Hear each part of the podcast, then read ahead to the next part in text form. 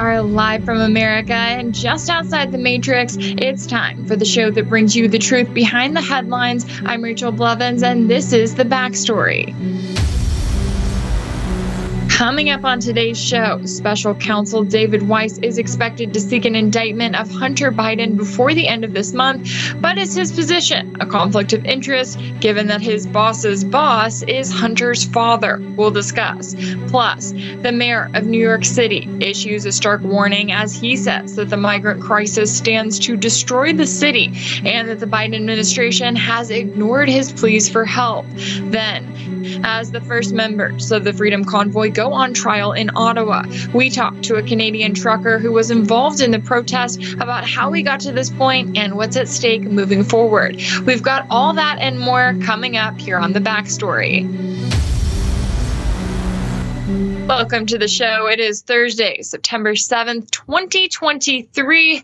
Let's start with some domestic news here. So, the Georgia RICO case against former President Donald Trump has taken another turn as the judge overseeing the trial questioned its October 23rd date. The Fulton County Superior Court Judge Scott McAfee gave prosecutors 10 days to explain how they, quote, could possibly keep these defendants together with a mountain of outstanding legal questions and a looming speedy trial deadline next month for Trump and his 18 co defendants. All 19 co defendants have pleaded not guilty and have waived their rights to an arraignment.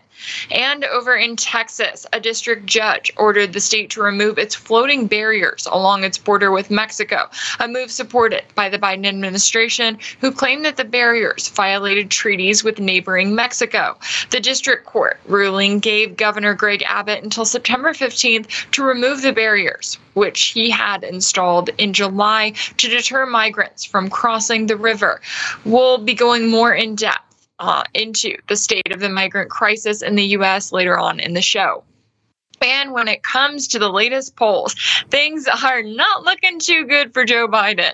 In fact, a recent poll from CNN, and just to note that we're talking about CNN, not Fox News or anyone else here. No, CNN is now reporting that according to the registered voters they surveyed, nearly half or 46% say that any Republican presidential nominee would be a better choice than Biden in 2024. The results of the poll went on to say that Biden's job approval rating stands at just 39% and 58% say that his policies have made economic conditions in the U.S. worse, up eight points since last fall.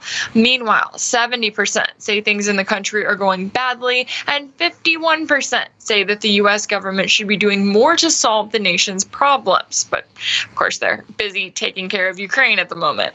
Roughly three quarters of Americans say that they're seriously concerned that Biden's age might negatively affect his current level of physical and mental competence and his ability to serve out another full term if he is reelected.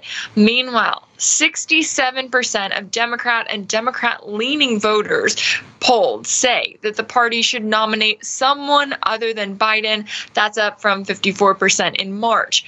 And then there's the president's handling of the Hunter Biden scandal. Let's take a listen to how that was received by the American voters who were polled by CNN. And when you look here about President Biden, now serving as president, his actions in the Hunter Biden probe, have they been appropriate or not? Um, 55% of Americans, a majority, believe Biden's actions related to the Hunter Biden probe inappropriate. 24% of Democrats, again, a majority of independents, 52%, and nearly all Republicans at 90% believe that. And this is to show what happens when you don't push back at all, mm-hmm. which is really basically what the White House has been doing. There's not been a Hunter Biden defense uh, kind of mounted in a public relations way, and it's starting to seep through beyond just the right wing echo chamber. Now, speaking of the president's son, we have to get into the latest when it comes to the ongoing Hunter Biden scandal, right? We've got countless questions that continue to surround the Biden family's foreign business dealings and how then President Joe was involved with his son's work, which appears to be very involved from everything we've seen, which despite what the president himself has said. So, if you go back to just a couple of months ago, Hunter Biden was expecting a light plea deal after he was caught failing to pay taxes on millions of dollars in income. But now he could face an indictment for the charge of lying about his drug use when purchasing a firearm, a charge that was supposed to be swept under the rug and forgotten with that plea deal. That if the judge in the case hadn't been paying attention. That is the key there. We could have had that plea deal and it would have been a done deal when it came to all of these charges against Hunter Biden, but that has not been the case. Now, court filings suggest that Hunter could face a grand jury indictment in relation to both the gun charge and his taxes as early as this month, which could lead to years in prison. The only problem there, well, the special counsel is David Weiss, who was appointed by his boss at the Department of Justice, Attorney General Merrick Garland, whose boss is, that's right, President Joe Biden, who just happens to be Hunter's father. It doesn't exactly instill confidence in an administration that has already weaponized its Justice Department to go after Joe Biden's political opponents and has been accused of using it to get Hunter that initial guarantee of a light plea deal when they now say that there will finally be justice, but pay no attention to the people who are involved and whether their job is at stake because they are going after the son of their boss's boss, essentially. Now, this all comes as Republicans in Congress continue their investigation into the Biden family, with House Oversight Committee Chairman and Congressman James Comer sending a letter to the National Archives on Wednesday asking for unredacted emails involving communications between then Vice President Joe Biden's office and Hunter Biden's business associates. Fox News reported that the committee is seeking unrestricted special access to a case recorded by the National Archives titled Records on Hunter Biden, James Biden, and Their Foreign business dealings, which was recently made public as a result of an ongoing Freedom of Information Act lawsuit by America First Legal. Comer's letter is requesting unredacted emails from that record that involve multiple aides in Biden's vice presidential office and business associates of Hunter's now dissolved firm Rosemont Seneca Partners, and of course, Ukrainian energy firm Burisma Holdings, because they never seem to go away. Now, meanwhile, there are also questions about the steps that the Biden administration took to fully redact 200 emails related to Hunter Biden's business dealings. Let's take a listen to what Trump's former aide Stephen Miller had to say about it. They hand you redacted materials which are absolutely useless. They're specifically claiming executive privilege on on emails under pseudonyms to his son Joe Biden and what he might have shared as it relates to top secret uh, or classified information. Do we know anything more about that?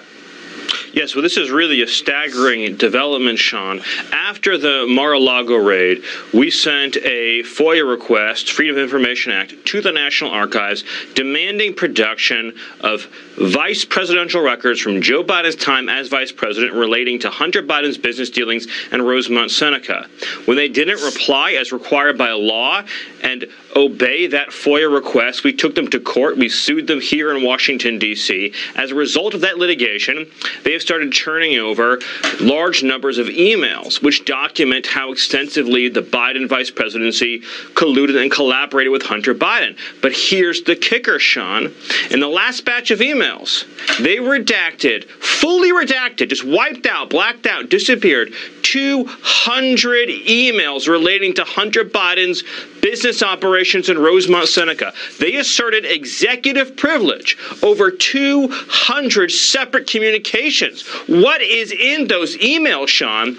What is so sensitive about the operations of our federal government that Hunter Biden and Rosemont Seneca had access to? So we are in court now. We will press this issue. We will see if we can get access to those emails. What is in those emails? That is the question of the day. We will be diving into that as we get into the show. But I also want to bring up the state of the US economy because, of course, that is another big thing on the minds of voters when they are considering whether to possibly keep Biden in the in office if he is the Democratic nominee going into 2024. So when it comes to the US economy, the latest report from the Federal Reserve found that US economic growth was modest amid a cooling labor market and slowing inflation pressures in July and August. But in the consumer sector, the report noted that a rising number of households had exhausted savings built up during the pandemic and were turning more to borrowing. At the same time, more households are struggling to manage their debt. The New York Fed District said that migrants were also putting a strain on the local safety net. The report also noted that housing remains an issue and that the supply for single family homes remained constrained. So let's get into all of this with our first guest of the day. Joining me now is Tom Luongo, an economic analyst and publisher of the Gold, Goats, and Guns newsletter. Tom, it's great to have you on the show today. Thank you for the inv- invite, Rachel. How are you? So far, so good. You know, looking at the outlook when it comes to the US economy, I want to get your take on that. And what is one of the major concerns involving our economy that is on your radar right now? Uh, well, it clearly has to be uh, rising energy prices, and there's it's for a variety of reasons. Not the least of which, of course, is that the, we'll have upward pressure on the price of gasoline, with households not being able to make ends meet, the savings rate low. Then clearly, you know, rising gasoline prices are a problem. Um, the big thing, uh, but on top of that, is that that's going to put a price under. It's going to put a floor under inflation. We've had inflation moderate in the last couple of months simply from kind of base baseline year over year effects. And and if you go back and you look at the the way inflation manifests itself it wasn't really in 2021 2022 2022 it really wasn't you know demand pull inflation. It wasn't like robust growth driving credit demand. It was commodity cost push inflation. It was you know a rise in commodity prices due to uh, disrupted supply chains thanks to covid and then all the stimulus money you know having too much money chasing fewer goods and we had massive commodity uh, price explosion and then implosion. But now that we're back to high rising energy prices oil over $90 a barrel we're going to have structural inflation begin to return. The way I like to look at it is that it's kind of from the damage that was done from COVID, it's kind of like dropping a rock into a lake and then seeing the perturbations. And as you move out with each wave, they get smaller and smaller. Well, we're in the second wave of that, that perturbation to the, the, the economy. And it's going to come back. It's not going to be as extreme as it was in 2021, 2022, 22, but it's also going to give the Fed all the cover it needs to continue raising interest rates and tightening credit conditions, which is only going to feed all of the things you just talked about. Right. It is it feels like this never ending cycle. Now, when it comes mm-hmm. to energy prices, and I know that the Biden administration, for its part, has tried to get OPEC plus members, mainly Saudi Arabia, on its side, and Saudi mm-hmm. Arabia has not listened. Now we've got Saudi Arabia and Russia announcing that they are going to continue output cuts until at least the end of this year. In your view, is there anything that the Biden administration can or should be doing when it comes to tackling these energy prices right now, or is there a lot of it that is one of those things where it's up to more so the OPEC plus members, and then the U.S. just has to deal with it on their end. Well, the U.S. is having to deal with it on their end because the U.S. went on uh, financial warfare against both the Saudis and the Russians, especially the Russians. Um, so, you know, they want to change their foreign policy. They can probably get the Russians and the and the Saudis to uh, not be raising the uh, the cutting output to um, you know raise prices because it's clearly this is a war, and it's a fine and it's a war that happens. It's happening along multiple uh, fronts and multiple and, and in multiple venues, right? So there's the kinetic war in Ukraine. There's the financial war that's happening. There's multiple financial wars. You've got the trade wars over over oil and, and natural gas. You've got the um, the financial war, as far as I'm concerned, between the Federal Reserve and the other major central banks as they try to defend the dollar there's a, a, just a number of things happening here. And you know we we've operated as just people in this weird world post Lehman Brothers where everybody was all kind of coordinated and doing and on the same page as far as making sure there's always enough liquidity in the system and and zero bound interest rates. We all kind of got way too used to that. And we're getting to the point where we're beginning to believe that interest rates aren't going to come down and that the Fed has to keep doing what it's doing. And that means that in, many ways, it's going to put political pressure on the Biden administration. They backed themselves into this corner. They've painted themselves into it. They've drained the Strategic Petroleum Reserve, and now they're paying the price for it. And like at the end of the day, um, the Saudis and the Russians don't owe the Biden administration anything whatsoever. So why should they? And that's part of the reason why it was so important to see the six countries that entered the BRICS alliance um, a couple weeks ago. They were instrumental. If you look at the map, they're instrumental in you know giving BRICS access and, in a kind of sense control over all the major trade routes uh, surrounding the Arabian Peninsula, the Middle East, the Red Sea, the Persian Gulf, and all of it. So. Uh, this is the bed that the Biden administration has made for themselves, and you know they can reverse policy, but I don't see any any uh, hope of that. With as long as these people are in power. Yeah, it, it, it's tricky when it comes to U.S. foreign policy because it really doesn't change that drastically in a way, especially once the U.S. mm-hmm. is set out on one course or another. Now, when it comes to the Biden administration, and as you noted, what it has done specifically when it comes to Russia, you know, the U.S. Mm-hmm. called on the world really to isolate Russia. And the opposite of that has happened when it comes to countries like China, like India, Saudi Arabia. And as you noted, now we've got this BRICS expansion that is set to happen early next year. Do you think the Biden administration realizes what they've done, or do you think that they're still just so out of reality when it comes to why other countries in the world are reacting in the way that they are and moving towards more of a multipolar world order in response to what the US has demanded.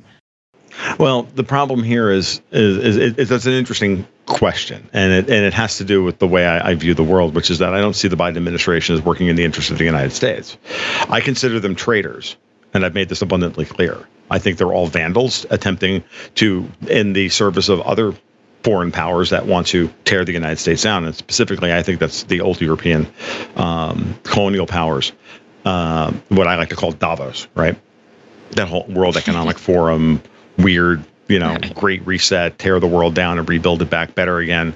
Um, I, uh, honestly for global communism, which is the way I, I, like to put it. You can, you know, you can call me crazy. You you can say I'm overstating it. I don't care. It doesn't matter. So when you look at when you view it that way, as as far as I'm concerned, the, no, this isn't a feature. This isn't a bug of the Biden administration policy. This is a feature. These people were put in power to undermine the United States at the institutional level because one of the things, one of the benefits of that for Europe or for other parts of the the world, other you know other uh, foreign oligarchy oligarchs is that it freezes capital in the places where they want it because the the world looks at the investor class looks at the world looks at the U.S. and go well this is turning into a clown show. They can't protect their borders. They, they they've got they've got 90 year olds falling asleep in Congress. Like it, nothing makes sense and everything hurts, right? So why would I ever put my money in the United States? And meanwhile, you have the Fed going, um, we're trying to like put the controls back on these people. And I think Jerome Powell has been very, very clear what his goals are. His goals are to bring fiscal sanity. He can't say that directly, but he's made it abundantly mm-hmm. clear in multiple press conferences that he's not here to bail out bad behavior by Congress. Like that's not his job. His job is to prosecute monetary policy to the best that he can uh, on behalf of the United States and on behalf of the U.S. dollar and the U.S. banking system, because that's who he represents. And so, so when you hear Powell speak those words, that means he's speaking for the banking class of the United States, and they're not happy with what they're seeing from the Biden administration. And that, to me, signals that there's a fundamental shift politically behind the scenes. I know you opened this with what's going to happen in handicapping the presidential election. Well, the U.S. banking cartel, for lack of a better term, is the most powerful political lobby in the world. It's what fuels the military industrial mm-hmm. complex. They work together. Like it's all the same thing. So you have to realize that once you see those guys are the ones, you know, that are going to decide who gets reelected, who gets primaried, who gets to be, you know, they're going to make those decisions. And I think that they've finally woken up to the threat that this whole Agenda 2030 World Economic Forum thing looks to them. And it's it says, well, it's the death of commercial banking, and therefore it's the death of them. And they're like, yeah, that's not happening. And so I that's the way I see this. And I can't see the Biden administration you know, any other way. And when you every time they open their mouth, every time they do something, they do something. It's literally it looks like, oh right, we're going to destroy some other fundamental aspect of the American uh, the American economy or the American legal system or, or something like that. It's just that's what they do, and I, it, it's crazy. It, it's happening at every level. It's happening with the the EPA, with uh, with the the the the NHTSA. It's happening everywhere, and it, I, every alphabet soup agency is acting in a kind of almost lawless fashion, trying to push an agenda forward that they know is uh, probably on its last legs come the 2024 election cycle. Yeah, it, it does feel that way in the sense that it's like everything just feels backwards. And gosh, with the Biden administration and its you know the way in which it presents itself which is that its right. top priority is ukraine and funding for ukraine and then you have you know issues like the wildfires in maui and they ask biden about it and he says no comment and it's like okay can we at least act like you care about the american people like can you at least pretend even if your policies don't say that that's neither here nor there but well, actually, I, I, I think it is here and there. It's that no? He's he would rather he would rather nap and get Jello than give you know yeah the best I can do Jack is you know you can get an ice cream cone and seven hundred bucks. Like I'm dead serious. Like all those all those memes about Biden. Like yeah, I don't care, Jack, because you're seven hundred bucks. Like I, am dead serious. I, I think that's yeah. his. I think that's his modus operandi. I mean, and and and I think he does. He only represents a, an, an, another faction of people. I mean, Biden is a figurehead on this, and he's going to get. And I think that he's uh, his political life is not very long. Let's just put it that way. Yeah, I think even we were talking about earlier in the show, but I mean, CNN mm. came out with a poll stating that nearly half of the American voters they surveyed would rather vote for literally any Republican presidential nominee over Joe Biden. And for CNN to say that, I feel like is pretty telling of where that stands. Now, of course, they don't come out and they don't say Trump specifically, but they're just throwing it out there that like anyone else who's not Biden, I guess that kind of tells you where we're headed. Well, what's really scary about that, Rachel, to be honest with you, is that that means that, oh my God, 50% of the population would be willing to vote for Chris Christie or Nikki Haley. That's a retrograde. I'd actually rather Biden. Um, because, because those two want to start World War Three. Um, no, like, yeah. no. Um, but yes, uh, with the the way that, that Donald Trump is, every time they attack Trump, he just kind of feels like Obi Wan Kenobi at this point. The, the, the more you strike me down, the, the more powerful I'll become. You know, it's like I don't understand what they're doing mm-hmm. at this point. Um, Trump is going to wind up winning with you know seventy five percent of the vote from jail. And, and then have to pardon right. himself from jail.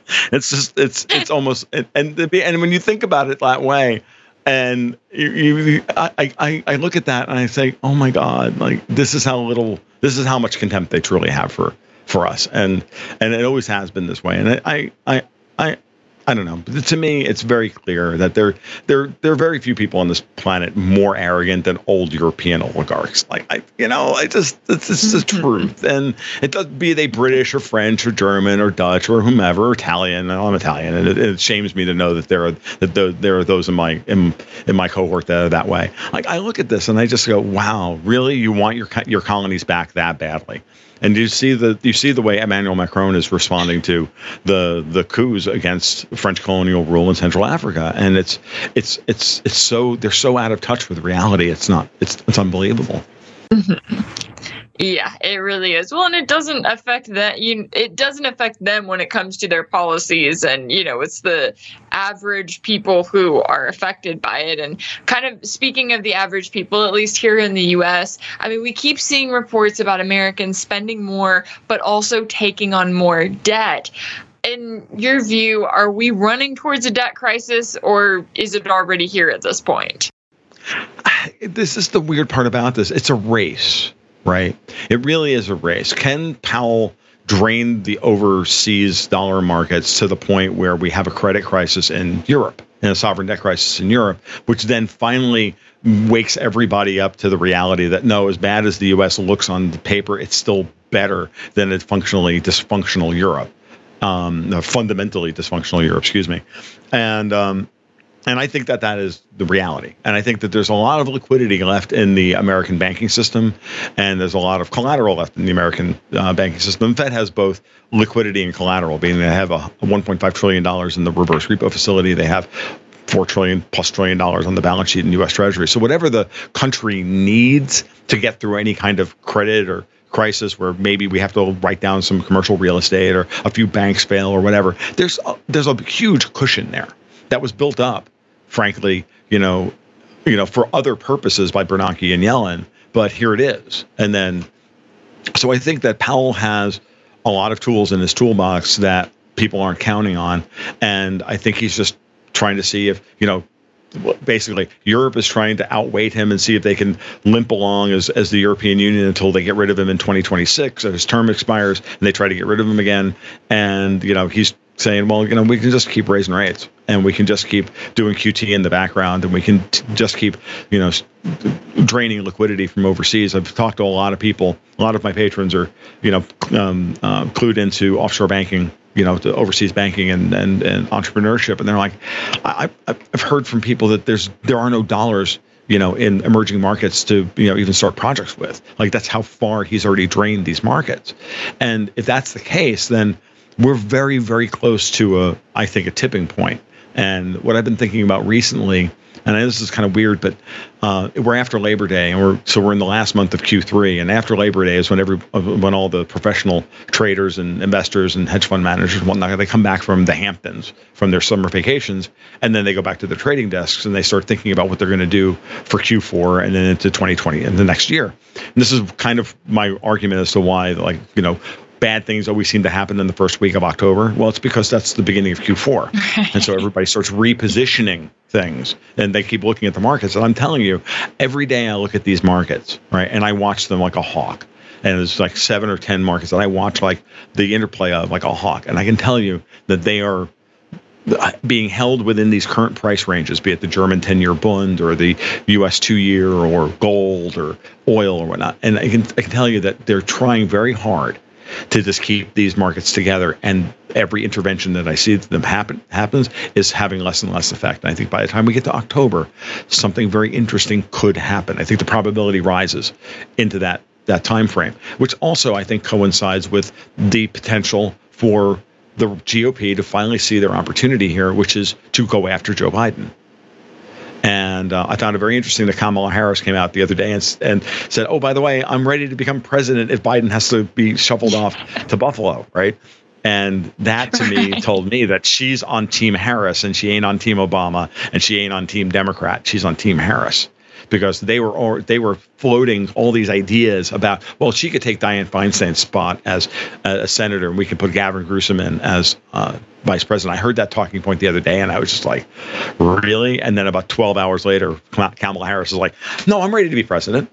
I'm like, oh, really?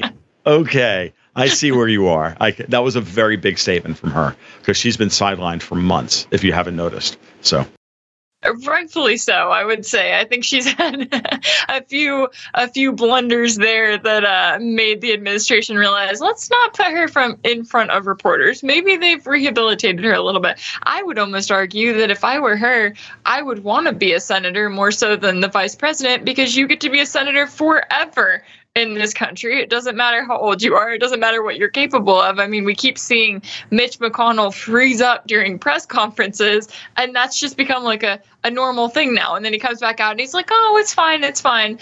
Uh, do you think that the Republicans are actually going to go after Joe Biden. I mean, it seems like, yes, we're getting, you know, this ongoing investigation. Yes, they keep taking steps, but do you think that they are really going to put everything into it as we come closer to the next election? This is what I think. I think that Biden is a liability for both the Democrats and the GOP, the members of the Uniparty that actually run Capitol Hill. And their problem is, is that they have two revenge-driven populists that they have to contend with. And one is Donald Trump, who right, who I think rightly feels like they took the, they stole the election from him, and our Robert F. Kennedy Jr., who rightly feels slighted by these people because they killed his dad and his uncle. So um, that's their big problem. And they have to get rid of Biden in some way, who's now become a huge liability and replace him with somebody else. And my bet is that they want to replace him with California Governor Gavin Newsom. And um, and how do you do that? And we're nearly, you know, we're three months away from the primary season, so it's got to be October, November. Like that all this has to happen before they can then shift over to, to Newsom and do the thing, right? So in my mind, this is why the Harris thing was so interesting. It's also why all the attacks on Obama are so interesting. Because Obama has been clean and as a whistle for he's ignored for a long time. And yet all of a sudden there's all these things about Obama. The chef thing and Yeah. showing up with Bart Knuckles and then the and then the and then Tucker Carlson going after him and like I I I like like somehow all of a sudden Barack Obama no longer has political cover. So the way I see it, and it's it's a it's a subtle thing, but I see a three way split within the DNC itself. That you have the the you have the the, the New York bankers who are generally vote Democrat, the Jamie Dimon types. Right, they have that, that. That's their one of their donor classes. You have the neoconservatives that or neoliberals, or really neoconservatives, um, backed by Hillary Clinton. She's always been. She's still a major factor within the the DNC. And then you have the Obama wing. And I think they're all fighting for control over the Democratic Party, and I think they're frozen in like the kind in a kind of you know cat fight that ends badly for them. I'm not saying the GOP is like rosy or anything, but I mean the GOP can literally could literally put up almost anybody, and they could win in this environment. It's it's it's been that toxic. And what happens if they all wind up canceling each other out, and Biden winds up being the nominee? Yeah. I, I, I- you know, at that point, I'm not really sure how there's even like the pretense that we're running a presidential campaign in 2024. So I don't know. Yeah, that's that's fair. A lot at stake here. Um, I do want to ask, when it comes to Gavin Newsom, do you think that it has been long enough since he was out there breaking his own, you know, COVID lockdown rules and getting caught for it? Do you think that enough time has passed that they're able to rehabilitate him, and all of a sudden he is the next Obama and the savior, the savior of the Democratic Party? Uh, I don't think it matters at this point. They don't really have any other options. I mean, who's their other option? Pete Buttigieg. I mean, seriously, like who do they have? Like, they don't have anybody. They have to go with Newsom. He's been groomed for the part. And I, you know, can they rehabilitate his image? Well, they'll certainly try. I don't know that it'll work, but I mean, we're I mean, we're getting to a point now where it's almost going to be like the we're, you know, we used to have blue dog Democrats, right? You know, I'd rather vote for a blue dog than a Republican. Um, Post Reconstruction here in the South, because I'm from Florida though I'm from New York originally. Clearly, I'm I'm I'm a I'm a I'm I'm a happy Floridian at this point. Um, all hurricanes notwithstanding. But I think we're going to wind up with blue dog centrists, like blue dog soccer moms. Yeah. I would rather vote for eh, coming going forward. Like people are really angry, like just like normal people that I meet. And you know, I don't interact with too many humans because I'm not really allowed. But like when I do inter- interface with humans and I chat with them amiably about things, people behind the counter, you know, guy, the guy who comes to fix my well, blah blah blah blah. Like they're all just like spitting angry, like in a way that I, I thought it was only me. And like I said, I've been in this way for 20 years, but they're all like, you know, let's let's get the Civil War started now. I'm ready to, you know, I'm ready to, you know, uh, they're ready for the clock tower and the high powered rifle. And I'm like, yeah, no, we we can't go there. That that we can't do. And so I think it's the mood is a lot uglier than than they're banking on. Um, and I don't think they're going to be able to one lock us down again over co- uh, over some new form of COVID, and two, um, I don't think they're going to be able to quote unquote cheat the way they did the way they did in 2020. I just think, don't think it's going to be possible. And if they do, like it's that's going to be ugly. And I I I hope they don't go there, but I know that strategically they kind of want to, because in their mind, breaking forcing the United States into some kind of of constitutional crisis again freezes capital. It works to their advantage.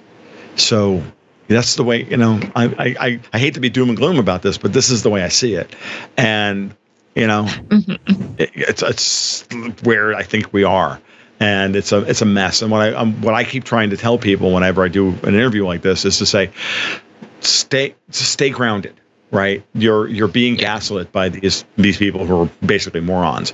Um, stay grounded. Don't rise to the bait and just say no we're not doing that. We're going to fix our country and we're going to fix our communities and we're going to be, you know buy our meat from a local butcher shop and not from publix. You know that kind of thing. We're going to do those things. And we're going to do those things and we're going to let the and we're going to let the big boys attend to themselves. Eventually they'll cancel each other out and we'll clean and then we'll clean up the mess and if you don't let us clean up the mess mm-hmm. then you know we're going to make you clean it make you make us make us let us clean up the mess, and that's what's going to happen. Exactly. And we'll see what happens. We will see what happens. We'll definitely have to have you back on the show to discuss all of this as we get closer and closer to that looming election. I know we all can't wait for it. Tom Luongo, economic analyst and publisher of the Gold, Goats, and Guns newsletter. Thank you so much for your time and analysis today. Thank you, Rachel. It was great to see you again. Uh, great to talk to you again. We'll, we'll talk again soon. Sounds good. And it's time for a quick break. But when we come back, the mayor of New York City issues a stark warning as he says the migrant crisis stands to destroy the city and that the Biden administration has ignored his pleas for help. You don't want to miss it here on the backstory.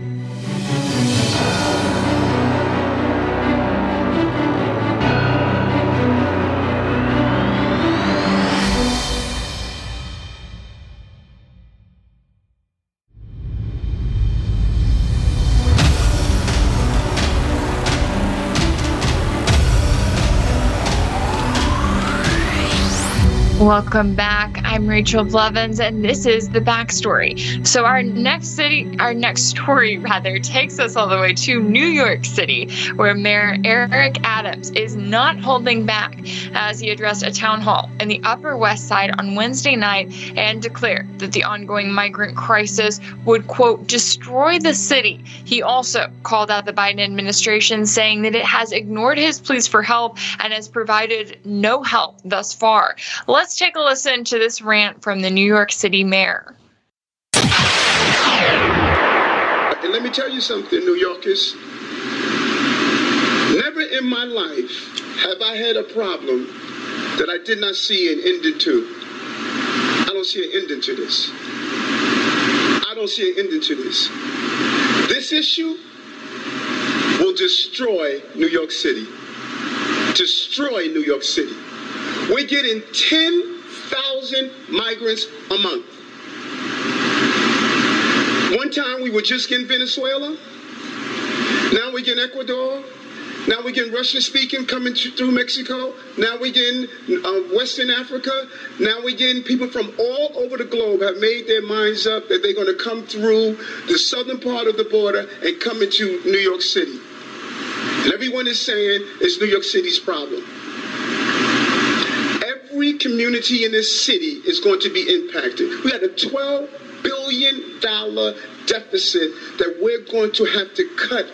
Every service in this city is going to be impacted. All of us. And so I say to you, as I turn it over to you, this is some, some of the most educated, some of the most knowledgeable, probably more of my commissioners and deputy commissioners and chiefs live in this community. So as you asked me a question about migrants, tell me what role you played. How many of you organized to stop what they're doing to us? How many of you were part of the movement to say, we're seeing what this mayor is trying to do, and they're destroying New York City? It's going to come to your neighborhoods. Of us are going to be impacted by this. I said it last year when we had 15,000. I'm telling you now, with 110,000, the city we knew we're about to lose. His remarks come less than four months after the mayor's office of immigrant affairs kicked off Immigrant Heritage Week back in April by launching a We Love Immigrant NYC campaign. At the time, the commissioner said, quote, our campaign, We Love Immigrant New York, looks to affirm and celebrate the contribution of all of our immigrant communities and our status as the ultimate city of immigrants. But the tone coming from the mayor's office has certainly changed since then, as Adams declared in July that New York City had, quote, no more room for migrants after it welcomed approximately 90 thousand migrants since April of 2022. Adams went on to say, quote, "We stated several months ago that we have reached full capacity and that full capacity was verbalized. And now New York is just going to be visually actualized. We're going to see how much of our cup has basically runneth over. We have no more room in the city and we need help." But the mayor now says that the Biden administration has been the opposite of helpful. Shocking. And that continues to be the case, both in New York and really across the nation. So, back in April 2022, Texas Governor Greg Abbott launched a program to transport migrants by bus to self proclaimed sanctuary cities across the nation. He said it was his way of dealing with record numbers of migrants coming into the U.S. across the southern border that was being ignored by much of the country especially in Democrat run states. Now, this week, Governor Abbott took to Twitter or X to share that since then, Texas has bused over 35,000 migrants to self declared sanctuary cities, including over 11,000 to Washington, D.C., over 13,000 to New York City, and nearly 7,000 to Chicago. As a result, New York City is certainly feeling that burden. So let's discuss all of this with our next guest. Joining me now is Mark Krikorian, the executive director of the Center for Immigration. Mark, it's great to have you on the show today. Glad to be here, Rachel. Uh, this really is. Uh, you know, in the '60s, they had they used to say that a conservative was a liberal who got mugged, and I think we're kind of seeing the same thing now with sanctuary cities, where when they experience what these border states have been experiencing for years, they, uh, you know, at least are starting a little bit to change their tune. They still have a long way to go. Yeah, I guess it's easy to say you're a sanctuary city and kind of put out that message when you're not right on the southern border and dealing with an ongoing crisis. What do you make of this statement by the mayor of New York City that the migrant crisis is going to quote unquote destroy the city? Well, I mean, what is destroy? I mean, it's not going to be, you know, like Dresden in World War II, but it, it is clearly going to be a problem because they have invited this flow and New York City specifically has this rule where anyone who says they want a place to stay, the taxpayers have to put them up. Uh, and the what they're going to end up doing, and this is something the mayor said in his comments, is they're going to have to cut services for Americans in order to pay for room and board for illegal aliens. And remember, most i mean as the numbers that you and you said and that he the mayor himself said most of these people were not bussed there by texas you know maybe one out of ten or one out of nine were um, hopped on a bus paid for by texas. The rest of them just went to new york after biden's um, dhs just let them go because you know maybe they have relatives there. Maybe new york i mean you know it's the one place in america they've heard of you know that sort of thing. It's a big city. So they're going there. So they can you know um, adams and other big city mayors have been trying to demonize greg abbott governor abbott of texas uh, and yet most of this problem is not um, of his creation and frankly even if it were you know they're they're uh, this has been probably the most Governor Abbott's busing effort has probably been the most effective political stunt uh, in a long time. And I don't use stunt in a derogatory way. Politics is partly theater. And, um, mm-hmm. you know, he's taken advantage of it. And boy, oh boy, has it, you know, resulted in, um, you know, payoff, political benefits, getting Democrat politicians, at least in the case of Eric Adams, to call for stopping the flow at the border. I mean, he's actually said that. You know, any solution, I forget the quote, I don't have it right in front of me now, but any solution that doesn't include stopping the flow at the border is no solution, is what he's saying. I could have said that myself, quite frankly. So, you know, it's baby steps, but progress has to start with baby steps. Wow, that is actually really notable, as you mentioned, kind of the difference in the numbers with them saying, hey, they have, you know, accepted 90,000 migrants, 13,000 of those have come by bus. So when it comes to the rest of those migrants and the policies that New York has, I mean, is there anything that Eric Adams can do on his end in terms of changing policies, or is it just at the point where he realizes, hey, we've got these 90,000 migrants here, we have to deal with this? And I guess in his way, he's, you know, looking at basically, I mean, how do you deal with that? I guess could be the question when you're in that situation. Yeah, well, I mean, first thing they're doing is doing exactly what Texas was doing is putting them on buses and sending them to the suburbs of New York and to upstate New York. In other words, bust them further along. It's sort of like musical chairs. So that's their first reaction after, you know, blaming Governor Abbott as an evil racist, blah, blah, blah. Um, the next thing, easiest thing they can do is end New York status as a sanctuary city. In other words, start enforcing, start cooperating with ICE. And this doesn't mean they enforce immigration law. All it means is when the NYPD, in its normal business, arrests somebody for selling drugs, gun possession, beating up his girlfriend, whatever it is, a regular crime, that person is fingerprinted. Those fingerprints go not only to the FBI, but now they go also to ICE. And um, when there's a hit, when ICE has a hit and they say, hey, you know, we deported this guy two years ago, you know, it's a felony for him to come back. So, hey, NYPD, please hold on to this guy. We want to come and pick him up.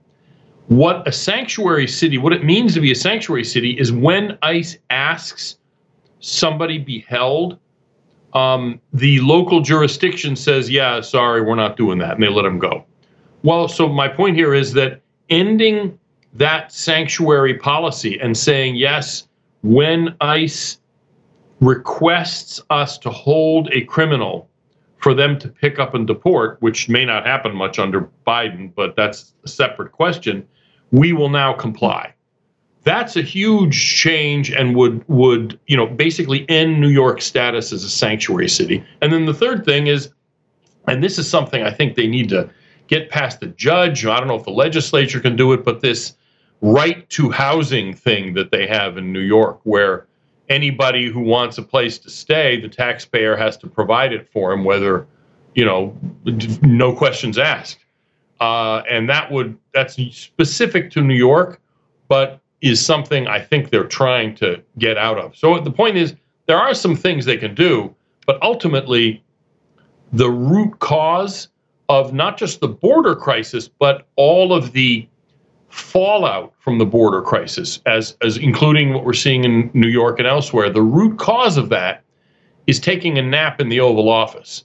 And until that root cause changes and the Biden administration either makes a 180 on immigration, which is unlikely, or is removed from office, this is just going to continue. All right. Speaking of that root cause, and I'm glad that you bring that up. We, when we heard from Mayor Adams, he said that he has repeatedly called out the Biden administration to help them, but has received quote no support in return. Why do you think that is? That the Biden administration seems to be acting as if this crisis just doesn't exist, even when they've got a city like New York reaching out to them saying, "Hey, now we're hurting. Now we need you to take it seriously." Well, because there is no border crisis. Remember, I mean, uh, they've uh, whether it's the um, uh, Homeland Security Secretary or the uh, comical uh, White House press secretary, uh, Karine Jean Pierre, or the president himself. It's a challenge. That's all it is. It's not a. It's not a crisis. And so, to admit it's a crisis would be to admit that they created this because literally it started on inauguration day when the president took over. The numbers started going up because he immediately rolled back almost everything Trump had done to stabilize the border. Um, so it doesn't surprise me at all the administration is not being responsive because other than sending some more money to New York, which they might be willing to do, they're not going to change direction. They're not going to change their policies, which is why you need more Democratic office holders. In other words, the mayors of Chicago and Washington and Philly and other places together to demand the administration change direction and start enforcing immigration law. I don't even know if that'll do any good. And quite frankly, I mean, the mayor of Chicago, for instance, is a Marxist, so there's no way he's even going to be for that. But my point is that one mayor, even the mayor of the biggest city in the country, uh, isn't going to get the administration to change direction.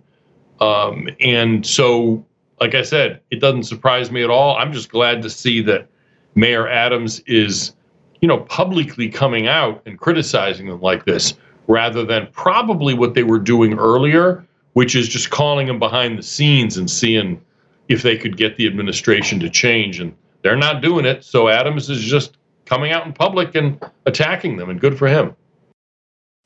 Yeah, you know that it has gotten bad when he's actually saying that out loud publicly because you're right. Otherwise, it would be a private phone call. It would not be wanting right. to basically admit that you were wrong and that your policies have led to now being in a position like he was saying if they have to cut services to their residents. I mean this is not looking good there. Now when it comes to the illegal border crossings that we have seen here in the us they those crossings by families reached an all-time high last month in August. What's your reaction to that data and does that come as a surprise to you that we're seeing an all-time high when it comes to illegal crossings by families? No, of course not. Uh, it's not a surprise because this administration has they announced that when that Title 42 rule ended back in May that some people may be familiar with, that was a COVID era thing that allowed Border Patrol to just bounce people back into Mexico. No hearings, no asylum, no nothing. You just turn around and they send you back. When they ended that, because it was a COVID related thing, and you know, for all of the hype that they've now started again, COVID's, you know, the, the pandemic is over. Um, they said we're going to have tough new rules at the border, but they're not going to apply to anybody who brings a kid with them. Well, surprise, surprise, people started bringing kids with them. I mean, they were doing it all along, and now there's even more. Of course, that what that's what happened. Uh, I cannot. It, it is mystifying to me that anyone in the administration working on immigration actually thought anything different would happen. Of course, this is what was going to happen. And, you know, I think it was more a matter of wishful thinking on their part. They would like the border crisis to go away, but they don't think th- they reject as immoral any measure that would actually stop the border crisis. They think limits on immigration are immoral in themselves. They're like Jim Crow. And so they cannot do those things. And so they were kind of hoping their half measure policies would you know, make this political problem going away, go away, and it's not. It's just getting worse, and it's going to keep getting worse. And speaking of it getting worse, the latest data also shows that there is a significant rise in unaccompanied minors crossing the border illegally. What are some of the long-term consequences there? It's not just families where you've got, you know, kids that have their parents and they're a family unit and they're going to go to probably New York City and find their way there. Now you're talking about unaccompanied minors. What are the long-term consequences for their crossings into the US? Yeah, I mean, this is something that's been building for 10 years and more than that. And it's a it's directly a consequence of Washington policies. This is even predates Biden. There's actually a provision in the law passed back in uh, 2008, which says that any unaccompanied minor who who's not from Mexico or Canada, because then you just return them right away from any place else, Central America, Africa, Central Asia, whatever it is, that they aren't just returned right away. They're delivered to a sponsor in the United States, and there's a whole process that basically means they're going to stay forever. Uh, and in fact, the sponsors, for the most part, are their relatives who paid smugglers to bring them to the border alone and they have their phone numbers with them of their parents or their uncle or whoever it is. And then Border Patrol completes the smuggling conspiracy by delivering them at our expense to their family members in the US who paid to have them smuggled. So, given that arrangement, how could you how would there not be more and more people taking advantage of it? And so there's, I would say there's two issues there as far as consequences. One is a big share of these people are not minors. They're 22 year olds saying they're 17. And this administration, and I mean a lot, and this administration will do nothing to try to weed out liars. Um, and then, and so they're just coming to, you know, get in and then they'll go and get a job someplace illegally. And then you have people who really are minors who end up, you know, you've got a 17 year old who has to be put in, you know, eighth grade with 13 year old girls because uh, they can't send him to kindergarten. He doesn't know any English. Um, and, you know, how is what's going to happen to that kid? How, how is he going to succeed? I don't know. You're going to end up with more gang problems, more underclass problems, more dysfunction. And it's all, none of it, it's all avoidable. None of it's inevitable. We just choose not to do it. And just my last point on this that change they made in the law back in 2008, saying that you couldn't just return people right away if unaccompanied minors if they came from let's say Guatemala or somewhere that didn't border on the United States which you could before. You just call up the local consulate you say here's one of your people. Let's get the paperwork send them home. The reason nobody like thought that was notable or unusual is because the number was so small. It was like, what harm could it do? It's only a few hundred people, you know, a year. Well, every time you make a little change like that, especially if it's changing the incentives to do something, it's going to grow and explode in your face. And this is just one more example of how that happens. Yeah, it feels like we sure truly are seeing the blowback of those policies now. And it'll be interesting to see if there is any change from the Biden administration. I don't know that I'm hopeful for that, but I am curious to see if there is another administration that comes in 2024 that does make any lasting changes. But we will definitely have you on to talk about it as we continue to get more and more data on just how bad this crisis is. And as we continue to hear from uh, some of those mayors and state officials who are now admitting that maybe their policies weren't all they were cracked up to be. Mark Krikorian, Executive Director of the Center for Immigration. Thanks so much for your time and insight. Thank you. And it's time now for a quick break. But coming up next hour, Joe Biden heads to the G20 summit in New Delhi, where the leaders of Russia and China will notably not be present. And we'll get into the latest plans for a possible Hunter Biden indictment and if it could actually lead to some time in prison. Well, we'll see with the current administration. You don't want to miss it right here on The Backstory.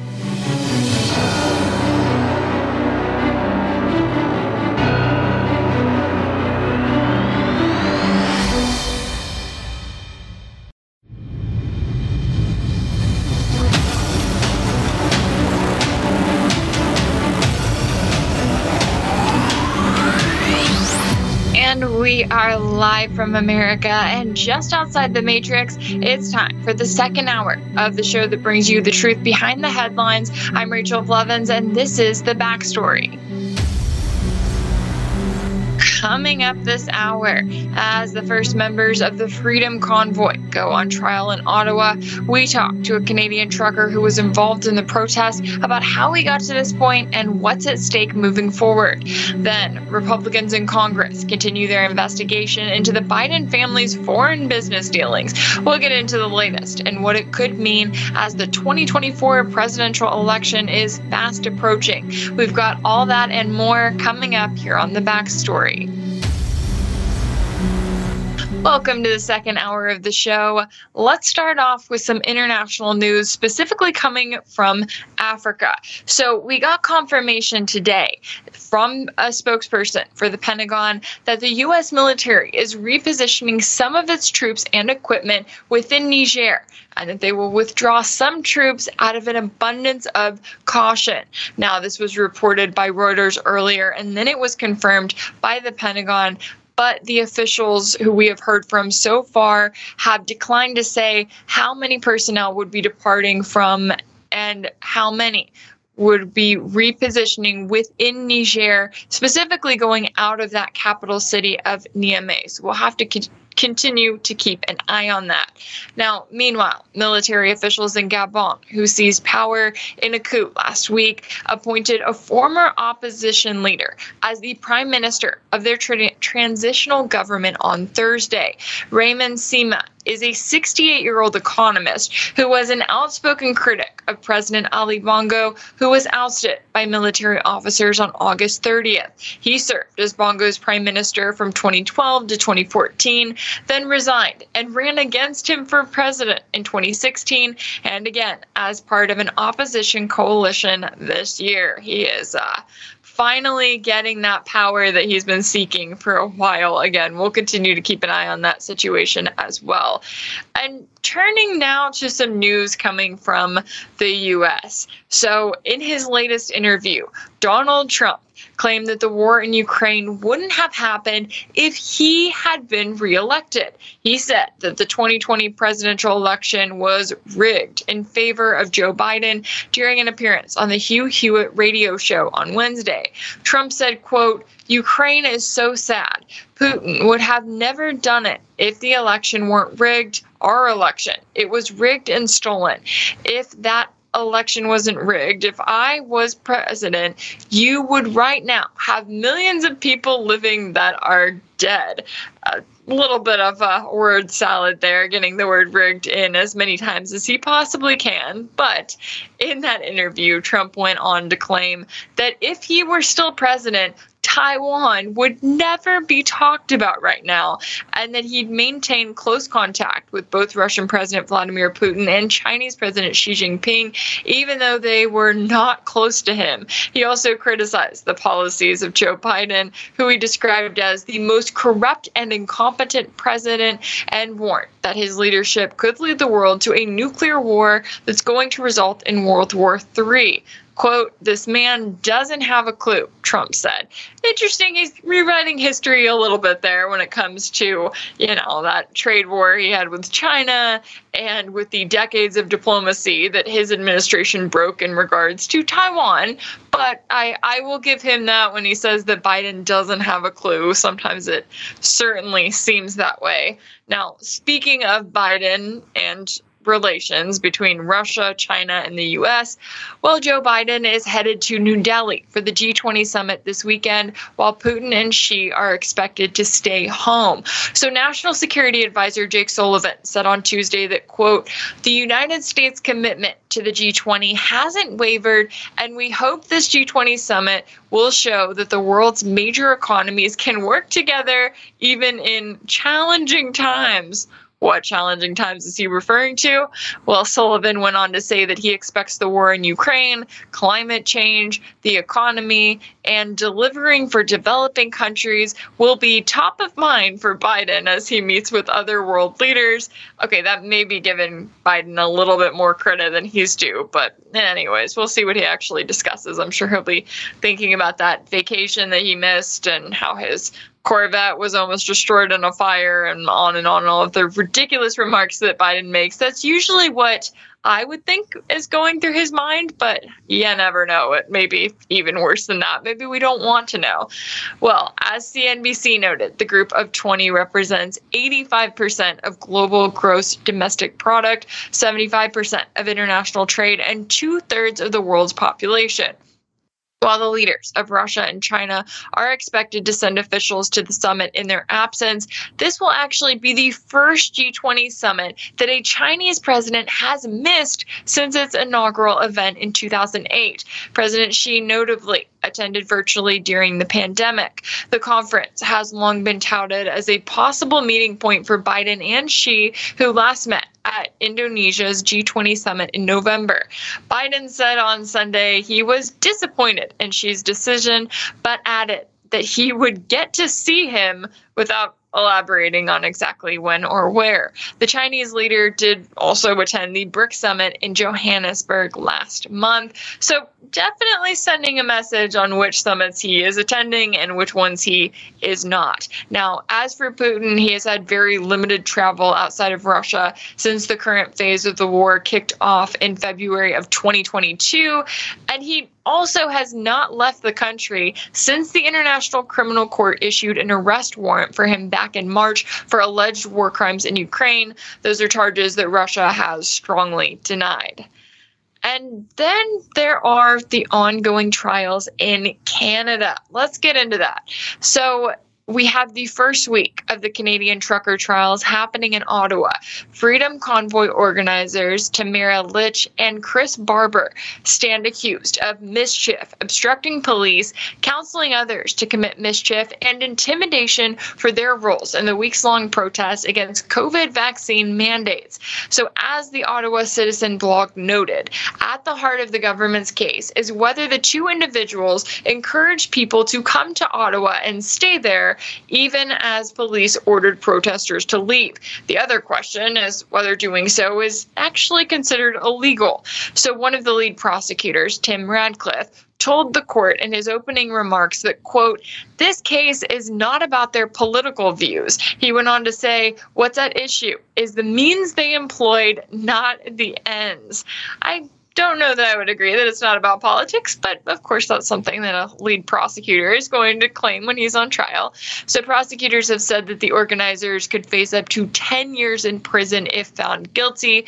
The attorney for Tamara Lich did tell BBC that the quote, central issue will be whether the actions of two of the organizers of a peaceful protest should warrant criminal sanction, and that he did not expect a trial of the Freedom Convoy as a whole. Interesting take on that. Now, as a reminder, Canadian Prime Minister Justin Trudeau responded to the protest back in February 2022 by invoking the Emergencies Act days before the organizers were arrested in order to empower the government to clear the area by towing vehicles and to take direct action against the demonstrators, such as freezing their personal bank accounts. Trudeau has not surprisingly, defended his decision to employ the Emergencies Act for the first time in Canada's history by claiming that there was a threat of violence and a lack of a credible plan by the police. Well, that sounds like a problem for the police, but anyways, that didn't stop Trudeau from jumping in and getting involved. Let's now take a listen to a clip from the lawyer for the defense and what he had to say about what is at stake here. Some of the questions that were asked of this witness, Lucas, yeah. he said on record that he agreed with some of your statements that no violence was directed towards police officers, right. that the demonstrators coordinated with law enforcement, and that an emergency lane was remained open on virtually every road with the exception of a segment of Wellington adjacent to Parliament. So I'm wondering, was the objective of that line of questioning from you and the other defense counsel intended to undermine the claim that the demonstration was anything but peaceful in the words of the Crown? Well, I, I don't think that there's really been any suggestion otherwise that the demonstration was anything but peaceful. I think it's so far the evidence we've heard is, is quite clear that it was a very peaceful demonstration. Uh, uh, the, the only the only uh, incidents that were pointed to were incidents of, of police having some problems a peaceful demonstration, whether Trudeau wants it to be viewed that way or not. Let's get into all of this with our next guest. Joining me now is David Henry, host of the Crazy Canuck Truckin' podcast. David, it's great to have you on the show today. Yes, I can hear you fine. Thanks. Okay, great. Thanks so much for joining me on the show today. Can you start by telling us about your experience during the protest? Did you have any contact with the organizers who are now on trial? Uh, yes, I had some contact. Uh, I it started out the uh, convoy started out in my area, and I was on a uh, channel with a lot of the people that were organizing this, and I I uh, communicated directly with one of the organizers that is no longer part of it. Um, and so I I saw it from the ground up, but I I was never there myself. Uh, but uh, some of my friends were there. Okay, that's that's good to know and kind of when it comes to that context because I know that there were a lot of people involved in this. So when you're looking at the trial, what do you make of what is happening and do you think it's an attempt by Trudeau's government to try to discourage future protest movements? Uh, I think he's trying to discourage anything that doesn't fit his own agenda, which is not surprising. But he's he's afraid of real people and afraid of real issues. Uh, I, you know, he branded he branded uh, the freedom people as a small minority of people with unacceptable views. And yet, on the other side of his mouth, he'll say that everybody's welcome to say their piece. So I'm not sure what it is for him, except that he only wants people that will spew whatever vitriol he has towards others. So he, he was the most, he has been the most um, biased and prejudiced towards people uh, in this whole mess. Yeah, it is notable to see Trudeau's rhetoric because, you know, when it comes to protest in other countries, he's all for the rights of the protesters and will criticize governments for, you know, stepping in or doing anything to respond to those protests. So, what do you think that says when, on one hand, Trudeau's happy to support protests in other countries, but then when it comes home and when it's his people that are protesting his policies, he's taking unprecedented action against them. Well, it it, it really shows his true colors and that he's just a he's a laughing stock of most other countries. I know he, he started getting involved towards uh, the Farmers for Food program in uh, India, and the he started speaking up against that and the Indian government said, you know, like, get back in your own corner. You're the one that's been trying to put down peaceful protests. So it, it, it, I mean, he talks about a silent or about a minority with unacceptable views, but from what I see, there's a lot of, I think there's a majority of people that would like this nonsense to just be over and let's move on. Yeah. Now I'm glad you bring that up because, you know, Trudeau famously called them a fringe minority who were involved in the protests. But from what you've seen from talking to people on the streets there, was there more support not even just that people supported what the freedom convoy were standing for but that they supported their right to protest and to speak out against the government's policies? Did it seem like that was a wider view than trudeau wanted to admit? Oh it's it's far wider than what he wants to say.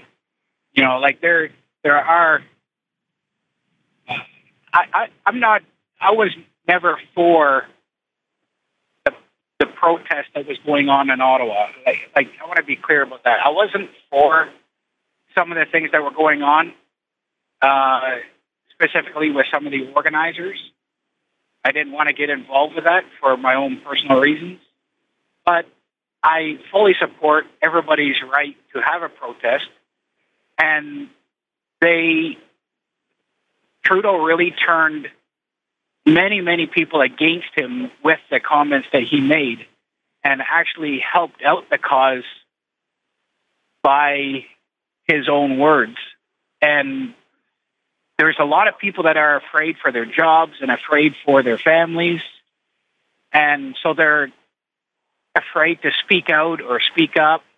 You know, um, the last few years has taught us that you there is no real freedom of speech. It's just um, you have to follow the leader. You have to, you know, you have to do what people, you know, it, it's this whole this last few years has really killed freedom of speech, and it's it's pretty sad. You know, I, I fully I fully believe that people should be able to protest, but you have to and you have to do it peacefully, and you have to get your point across, and then go home. You know, and the leaders and the people involved should be coming to the table and talking to the organizers and talking to people. And Trudeau ran away like a scared child. You know, he yeah. he, he just he was a coward. There's other leaders that came to the protest and talked to the people. I respect that. Yeah, and you would think that that would be something that, you know, at the end of the day, even if Trudeau doesn't agree with the protesters, these are still citizens of the country that he's serving. So it does make you wonder if he had had a different approach and had actually taken the time to talk to them, to, you know, hear their viewpoints, to consider that instead of just enacting essentially a version of war against them, right? Saying, hey, you are not allowed to protest in this way. Do you think that Trudeau that it is going to hurt his career in the long term when it comes to his response from the Freedom Convoy and even these trials we have now that are just starting? Uh, I'm not a I'm not a I'm not normally a political guy and I, I don't like to get involved in politics. But I I also don't I don't see him surviving this stuff this that's gone on. I mean, he he called a snap election and pretending that that was the uh, you know that the people had spoken, but he he still had so much control over people and control over the media because the media is literally taking money from the federal government, with the exception of one or two news organizations, and so they just have to say what he what he wants them to say, and it it's pretty scary what has gone on. But I don't think I, I can't see him surviving this in the next election if he even there's there's talk you know that he may not even stand for reelection which I, I hope he doesn't I hope common sense prevails and he gets turfed but we'll you know, we'll see what happens. But that's what we have in democracies is we don't like the people. We can protest and we can vote them out, but we shouldn't be going to war against our own people either, like he wanted to do. And as as hard as he tried to cause an uprising, nobody took the bait there. I, I have to hand it to them that nobody took the bait. You know, they they were out there with no insignia, Nobody knows who they were. We don't know who they were. They weren't normal police. And uh, they tried to force violence, and it never happened. And to me, that was a that was a big point. I I was afraid that it would devolve into violence, and it never did. Wow, yeah, that's a really good point. And especially when you have that situation, which almost becomes like a pressure cooker, you know, there. And as those protests were ongoing, as you had all of the trucks there and everything, it's like, yeah, there could have been serious violence there. This could have ended in a very tragic way. Now, you mentioned the media coverage. I want to get into that a little bit. What do you make of how the media coverage influenced the way that these protests were seen and can even influence now this trial that is happening that just started this week? Well, like I said, a lot of the mainstream media is being paid by the federal government, which is a, fair a fair amount of money, and if they go against what the government wants them to say, there'll be consequences, and they'll lose advertising. People are afraid of losing their advertising dollars, so they're gonna they're gonna do their best to work within the confines of what they have. I, I don't blame. I, I'm not going to get on any bandwagon saying that this media is bad or that media is bad. You know, my experience, there's been some, I, I've had lots of interviews, talked to lots of people on both sides of the fence, and some very, very vocal on both sides of the fence. And uh, they have all been respectful to me. And the ones that I least expected to give me a fair shake gave me more than a fair shake, you know, and so I I think they're going to do their best, and I I think that anybody else that is not part of the mainstream media, we we all have an obligation to present without bias as much as we can. And naturally, we are somewhat biased one way or another, but we should all have conversations and we should all be open and listen to what other people have to say because there's going to be two sides. I mean, there's two sides to a, to a coin. You can't have a head on both sides. You can't have a tail on both sides. It, it, it's impossible. There is two sides to everything, and uh, we need to listen to both sides and use both sides as best as we can. Yeah, certainly. And when it comes to social media, how do you think that social media has played a role? Because as you noted, you know, when it comes to the mainstream media and broadcasters, it's like, yeah, at the end of the day, they have advertisers, they have special interest to a certain point, they have what they think that their audience wants to watch. But when it comes to social media, I know certainly in the case of the people who were involved in the Freedom Convoy, that gave them a chance to, you know, put their own stories out there to where it was allowed without big tech censorship, but it gives them a chance to speak out directly to the public in a way that isn't shielded by the media. How do you think that social media has played a role in all of this so far? Well, you know how scared Trudeau is of people with their own opinions and he he has seen or his people have seen how powerful social media is and were you aware that in Canada now they have passed laws that the social media platforms have to restrict certain news? That's how ah. much Trudeau is scared of social media. If you look at Facebook and you look at Twitter and Instagram, if you post something that goes against what the government says here in Canada, it will be flagged on your media. Isn't that scary? Yeah, that is that is incredibly scary and it is, you know, I'm talking I guess when I'm talking about social media I'm thinking about here in the US, but yeah, you're right and I know, you know, other countries in Europe have kind of their own versions of that where they have decided what news outlets that they want to allow to even exist on social media and which ones they want to ban. And then it comes down to those big tech companies deciding whether they want to allow that or not. Now, when it comes to the Emergencies Act, I do want to ask you about that because Trudeau's implementation of the Emergencies Act was the first time in Canada's history.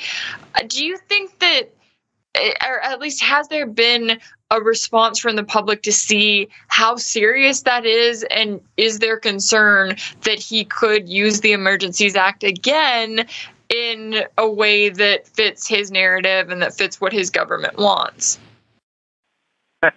yeah, it's you know it. As far as I know, it was the second time it was enacted, and the first time was by his dad.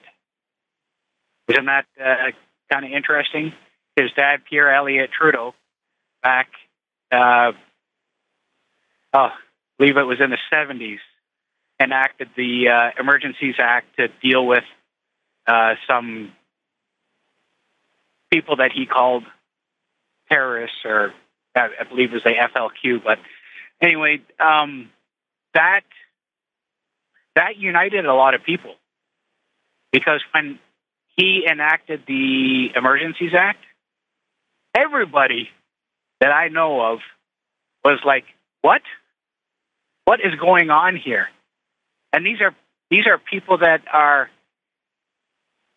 dead set against or for the convoy, and they were they were taken aback, and everybody was like, "Uh, uh-uh, uh this is not right," and he canceled it as it was going because it has to be reviewed properly and it has to be you can't just do these things arbitrarily like he did. And he canceled it very quickly because he knew if he kept up with it, it was going to cost a lot of people their jobs, including his. And it it's ridiculous for like I, I still have a hard time getting my head around that. There is, like I said, I didn't agree with some of the things with the protest, but the worst thing that was happening there was honking of horns. I don't think they should have been doing that. That's, you know, and some people can say, well, that's violence. But were there people losing their lives over it? No, no, there there wasn't. There was it was a small area. Uh, if there was any uh, ambulances or and anything like that needed, they got through. They got, you know, people got taken care of. But there was no shootings going on. There was no beatings going on. Um, there was no buildings being trashed. And they enact something that is used for wartime. Like how it, it's just hard to believe. It's like calling in the cops to break up a kindergarten party. Yeah.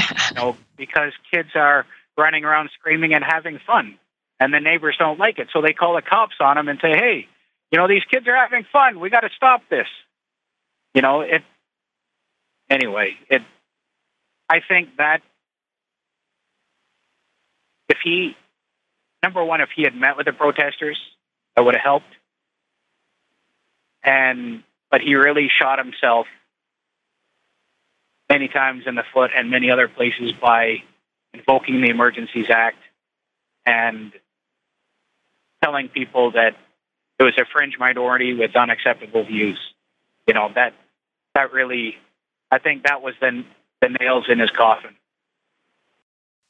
Yeah, yeah, it'll certainly be interesting to see how all of that continues to affect Trudeau as we continue to follow this trial and we see what happens to these two organizers who are facing charges of mischief and interfering with police conduct, among others. And we'll certainly have you on again to talk about it. David Henry, host of the Crazy Canuck Truckin' podcast, thank you so much for your time and insight today. Thank you. Have a good day. All right, it's time now for a quick break. But when we come back, special counsel David Weiss is expected to seek an indictment of Hunter Biden before the end of this month. But is his position a conflict of interest given that his boss's boss is Hunter's father? We'll discuss all that and more next here on The Backstory.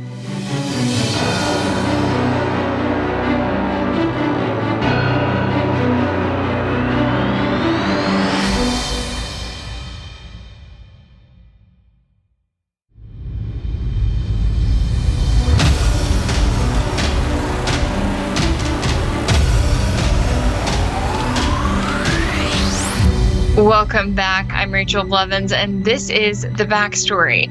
Let's now go back to our top story of the hour as we also get into the latest surrounding U.S. aid for Ukraine, Biden's favorite favorite country. Even he may even like it more than he likes the United States. It seems that way sometimes. So we know that U.S. Secretary of State Antony Blinken is wrapping up his latest visit to Kiev with a new aid package for Ukraine worth more than one billion dollars. The upcoming package, which includes 175 million dollars for weapons, brings U.S. security assistance to more than 43.2 billion dollars since early 2022.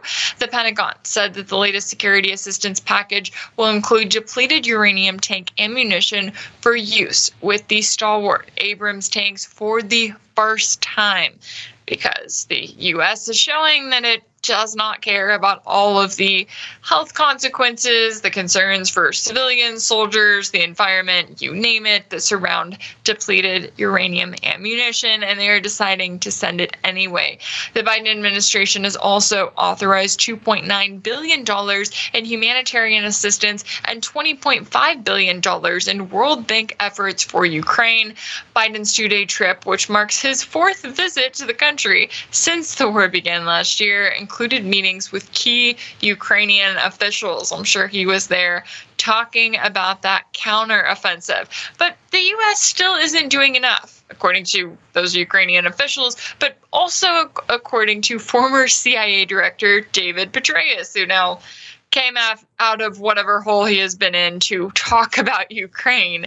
He said that Kiev's Western partners, particularly the United States, should increase their security assistance to help Ukraine with its ongoing counter offensive. Now, he said that at an event hosted by the Kiev Security Forum this week. Interesting that I guess when you get to that point in life, you get invited to the fancy security forums. And then, of course, you say that the US is not doing enough for this country that it has given billions and billions of dollars to. And then you get invited back to speak at the forum once again. So, speaking of the Bidens and the US and all of its all of the Biden family, rather, their foreign business dealings. Let's go back to our story that we started the show with. So there's that light plea deal that Hunter Biden was expecting. It has essentially fallen apart. And now he could be facing a grand jury indictment for lying about his drug use when purchasing a firearm and for failing to pay taxes on millions of dollars in income. And that indictment could come down as early as this month. But Will it lead to prison time? That's the big question. Well, that remains to be seen, especially as the special counsel on the case is David Weiss, who was appointed by Merrick Garland, who was appointed by Joe Biden. So, what about those emails? That we are hearing about when it comes to I know we talked about earlier the at least 200 redacted emails that the Biden administration redacted that were related to Hunter Biden and his business dealings. Well, let's take a listen to what House Oversight Committee Chairman and Congressman James Comer had to say about what he expects to have access to when it comes to those emails and how the Obama administration is notably involved. Take a listen to that clip. Tell us, where do you stand on these subpoenas from the National Archives? Well, the archives is saying that uh, th- because it happened during the Obama administration, that Barack Obama uh, will have 30 days to review all 5,400 of these emails in the pseudonyms. And then he will decide whether or not he's going to turn it over to the House Oversight Committee. So your guess is as good as mine. But at the end of the day, uh, we believe that many of these that were using the pseudonyms also had redactions that pertain to things about Hunter Biden, even redacting the the fact that he was copied on these. So what Joe Biden's always said and the mainstream media has always gone along with is that, well, there was no, why are you going, why are you investigating Hunter Biden? He wasn't a part of the government. And Joe Biden had a firewall between the government and, and his son. That's not true. Mm. We've proven that in the last two weeks. There are emails that went back and forth where Hunter's legal team was telling Joe Biden how to spin the narrative about the corruption he got caught in. Mm. There was copies where he was copied about Ukraine foreign policy. And we believe there are many more emails that the National Archives is sitting on many more emails that the National Archives is sitting on. That raises a lot of questions when it comes to this case, right? You have Republicans in Congress who are in a situation where they are saying that they are going to continue this investigation into Joe Biden. And in some ways, it is a way for the mainstream media to kind of be forced to talk about it because in this country, we have a mainstream media that they will gladly talk about Donald Trump all the day long, right? They will talk about the indictment, the indictments against him. They will provide 24/7 Trump coverage. But when it comes to Biden and when it comes to his son and their foreign business dealings and all of the ways that they're linked together, well, that doesn't get nearly as much media coverage typically, except now it may be forced to the forefront when it comes to this ongoing investigation. So let's get into all of this. Once again, that was my fault earlier. Joining me now is Tyler Nixon, an attorney, media relations specialist, and political analyst. Tyler, it's great to have you on the show today. Rachel, it's great to be with you. Now, let's start off with what we know so far about these redacted emails. So, Republicans are in a spot where they are calling on the National Archives not just to release all of these many emails that apparently have these pseudonyms that Joe Biden was using, where he talked business with Hunter Biden, but now they're revealing that when it comes to the release of these emails, some of them are being fully redacted by the Biden administration when it comes to Hunter's business dealings. What do you make of kind of the latest update in this saga? I think if anyone didn't think that or, or felt that the National Archives was somehow a fair player, since they were the motivating force, uh, or at least nominally, behind the Trump raid on uh, the raid on Trump's uh, uh home in Mar- Mar-a-Lago for these uh, documents. It supposedly was seeking to claw back, I guess, claiming uh, you know they were classified and all. I, I, think this really this really exposes them. You know, it's just like it seems like with any of these uh, these cases uh, as soon as they uh, you know as soon as they they do something against Trump or they you know they make a move that's a persecutorial move, it seems like the flip side of that is we see somehow you know that, that real crimes, real obvious crimes that would normally be uh, warranting investigation at minimum by uh, law enforcement, usually FBI, are just ignored or if not covered up. Um, and this seems like another case of this where I mean I cannot believe that in under normal circumstances the existence of you know aliases that involve that are and, and clearly not classified. I mean, Hunter Biden has no. I'm sh- I have no doubt he has no classification, or excuse me, has no uh, uh, security clearances um, to to be viewing anything that would be you know of national security nature that would require redaction. In other words, so what they're doing is that this is this is just obstruction of justice and a cover up. Um, and I say obstruction of justice. I use that term, I guess, loosely because his own Justice Department is, uh, you know, in, engaging and, and facilitating this kind of stuff uh, in their protectionist, uh, the protectionist racket they're running for Hunter Biden, uh, as well as Joe. Frankly, um, now that you see, you know, thousands of emails that are uh, at, at minimum questionable. I mean, the fact of the existence of these aliases, these uh, pseudonyms, multiple ones, um, it just it's amazing to me they go after Trump after uh, over some supposed documents after the fact, and he's the president, so he you know inherently just if you believe the circuit court decision, uh, the court decision that came out of uh, Washington. Um, the D.C. Circuit uh, under when it was Bill Clinton, the Sox drawer case, sock drawer case, excuse me, um, their cat was named Socks, um, the sock drawer case, then you know the president doesn't need to go through some formal bureaucratic process. He is the the final authority on that, and I and I believe that's the case.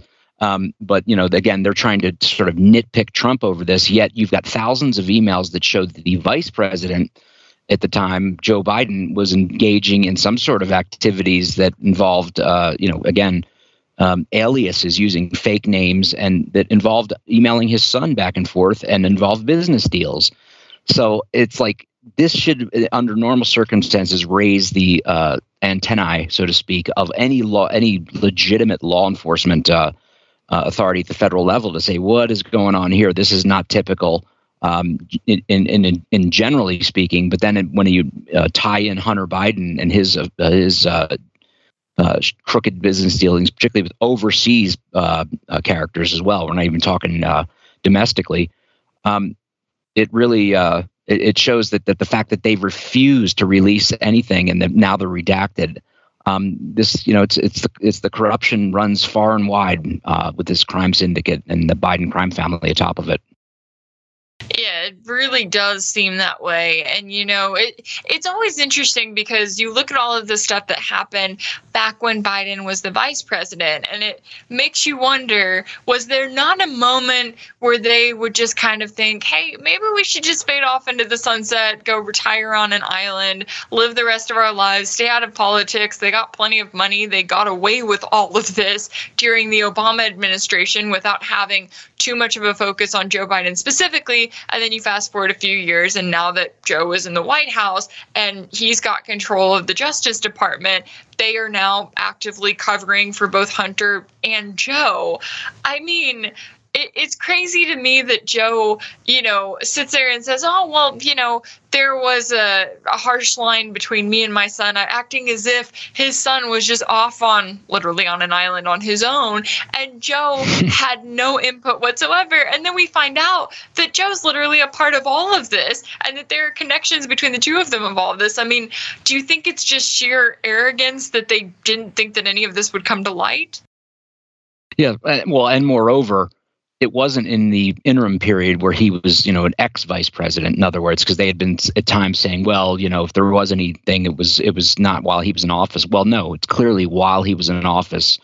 Um, and uh, yeah, I think, and more, and and again, Biden didn't just simply say I wasn't in business with my son. He flat out said, I've never discussed my son's overseas business dealings and said it repeatedly and then, you know, with great umbrage, frankly, uh, to Peter Doocy, amongst others. I mean, and this just reveals what a, an absolute bald faced liar Joe Biden is a brazen, uh, absolutely uh, shameless liar. And he's always been that, frankly.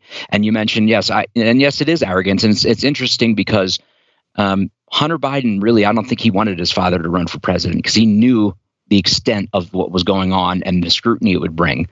Um, and I think he viewed it as a gamble that might not be worth taking because if they lost, everything would be exposed, and yet they would still they would not have the uh, leverage of power in their hands. Um, but you know, this is perhaps why they went to the extent of having to steal the presidency, and Biden was willing to do anything. Um, and you know, the the arrogance aspect also goes back to Biden's ego these uh, these claim these notions that Joe Biden is just going to somehow step aside um, and and allow someone else to take over, and you know he's just going to sort of fade into the sunset while he's in the presidency, and he's not going to run for reelection. I don't I don't believe that. I mean, I think they will have to somehow force him out. Uh, and Jill Biden, I mean, she's really it's it's very much like we had with um, uh, Woodrow Wilson um, and Edith Wilson, who, when Woodrow Wilson, if, if you might uh, recall history, had a was debilitated effectively by, I believe, a stroke, and was essentially, uh, I mean, seriously, un, you know, I mean, he was he was not functional. Um, but, but was in the White House uh, nonetheless and in the presidency for upwards of at least a year, I believe, and, and pretty much his wife ran things she spoke for him and she was effectively um, some people say the first woman president because she had such uh, autonomy, you know, based on his condition. And in the case of Joe Biden, I mean, why would why would the Bidens, you know, give up what they have when they could potentially walk into another four years of this, living the high life with total impunity? Uh, and Jill, I mean, you know, she has nothing to look forward to except uh, having to, like Nancy Reagan, unfortunately, although it's much, I think, less uh, different situation with Ronald Reagan, um, having to basically be at her husband's side as he disintegrates. Um, and then, you know, Biden's yeah. already in well down that road. Reagan uh, really didn't get terrible until uh, the early 2000s. Uh, you know, within a few years of his death, he was pretty much forgetful, and I think starting to lose about the late 90s. But it wasn't like he left the presidency and wasn't uh, like Joe Biden's just completely out of it now. You can see it on Jill's face when she's uh, when she appears with him. But um, yeah, I don't think Joe Biden, and, and I mean, he this is all he's ever lived for. Um, and I think he would probably die soon after um, leaving office um, just because he has no reason to live anymore. Um, his whole life has been driven to be the top dog, to always be at the center of everything. He's just, I mean, his his narcissism and egomania is uh, probably almost unparalleled in American politics, save for someone very similar to him in the presidency, which was Lyndon Johnson. Um, and Johnson was, you know, far more of an, intelligent, ruthless, um, uh, very skilled corruption player uh, than Biden is. Biden, I think, just came into office at 29, so young that he just and and, and lived in this sort of cloud of privilege over the years, and and what was the old way of politics. Um, I think there's a lot more scrutiny nowadays. Whether there's done anything done about it is a different story, which is kind of a sad commentary on politics where you know we see the corruption but back then this kind of corruption would have warranted people being drummed out of office and not you know they've been shamed out of uh, out of public life. But now it's like forget it. Since the clintons came to town nobody can be shamed out of office. They double down uh, and and you know invent these ridiculous i mean absurd either rationalizations or explanations or justifications for what is clearly criminal conduct and uh, biden's no exception yeah, yeah, that definitely seems to be the case. And, you know, now I, it's funny when you think about someone like Hunter Biden, and you're right, he probably did not want his dad to run again. He's probably calling him, going, Look, I don't think you understand. I've got this laptop, and it has literally everything ever documented on it. And there's a chance of it getting out. But no, that was not to, well, that did not stop Joe Biden, and that did not stop the Democratic Party from allowing him to be their nominee and making sure that that was the case. Now, when it does come back to the case of Hunter Biden. Now we're hearing these reports that there is going to be a grand jury indictment by the end of this month. But then you look at the fact that David Weiss is the special counsel in his case. Do you see that as a conflict of interest when it comes to Garland's decision to appoint David Weiss as the special counsel?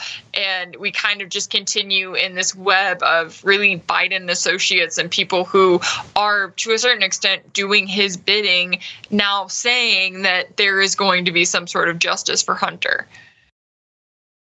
You know, even on the face of it, you know, prima facie on the, the appointment of David Weiss as special counsel flagrantly, blatantly violates probably the central provision of the special counsel regulation, which states that this, this person has to be outside of the United States government. Now, I mean, not just outside the Justice Department, but not in government at all. And I mean, you couldn't get a more diametrically opposite uh, uh, appointment in terms of what that what that means than having not only someone within the DOJ, but a U.S. attorney appointed as special counsel, and not even relinquishing that job while he's at, acting as special counsel. I mean, it, it, it, essentially collapses the entire notion and the entire premise and spirit of, of having a special counsel, which is that the the uh, you know in, in this case it, it it's right on point because normally it would involve conflict of interest. They're trying to resolve a conflict of interest. Now that could be within the DOJ that might not go up to the president, right?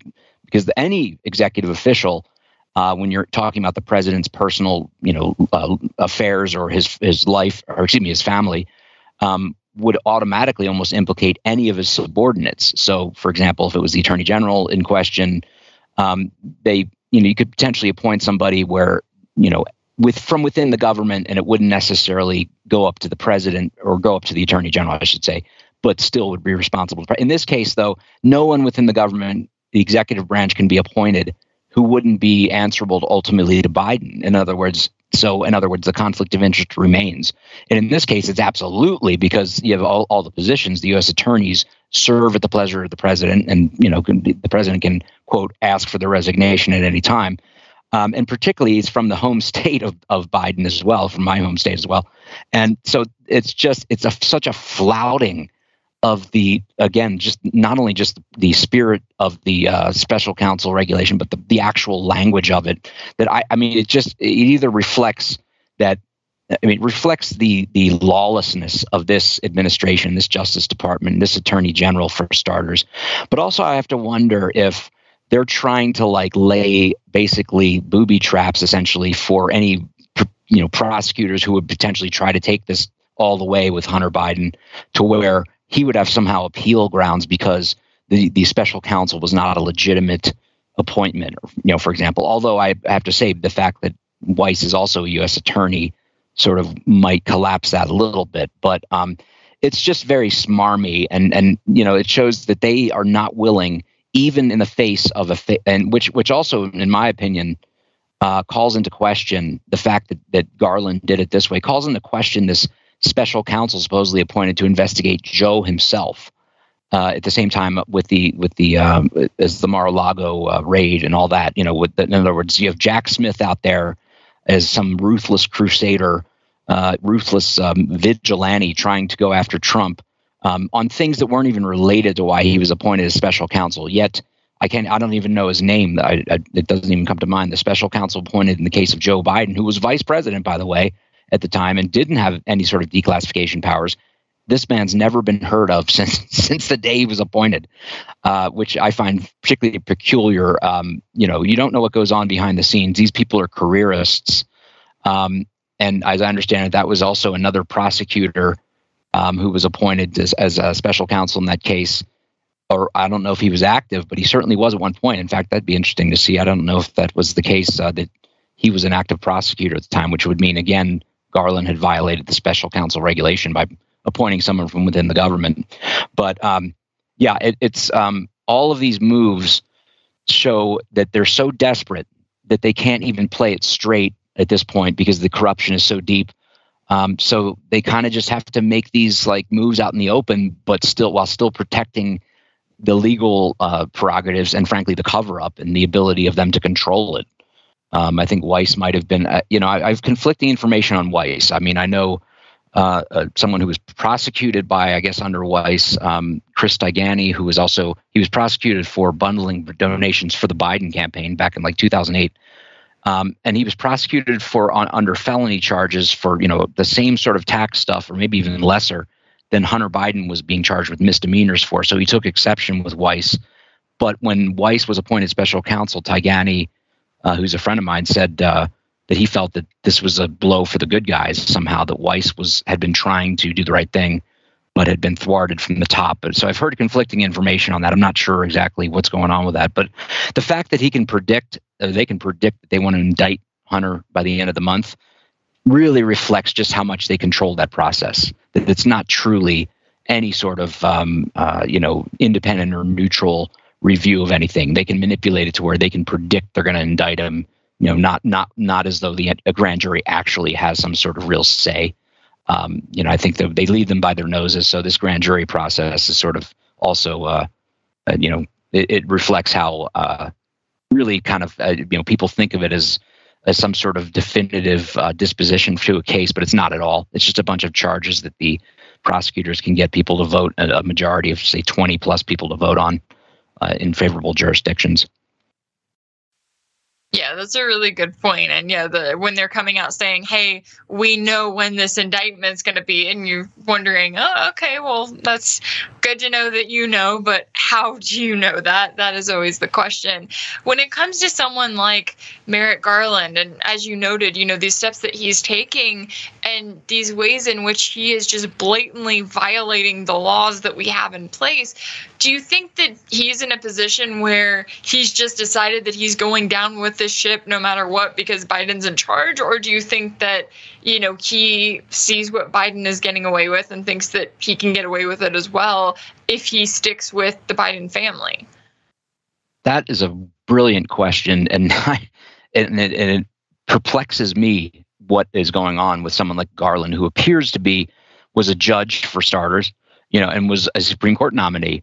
Now, is that is that uh, sort of milquetoast exterior hiding someone seething with uh, resentment and revenge uh, motives, uh, or who has been somehow compromised? um, or he sees this as his last stand and he would be he knows how these people are they would dump him over the side as quickly as they could as if he in any way varied from their plans to prop up and and uh, protect Biden at all costs and you know the larger crime syndicate um, or is he just maybe maybe uh, sort of led by his nose because he was a judge and he wasn't you know it's a totally different position. I mean he had been a judge for quite a while. It's a very very different type of an environment and work work and otherwise and especially in terms of just the volume of uh, of things you're dealing with than it is to be a federal judge.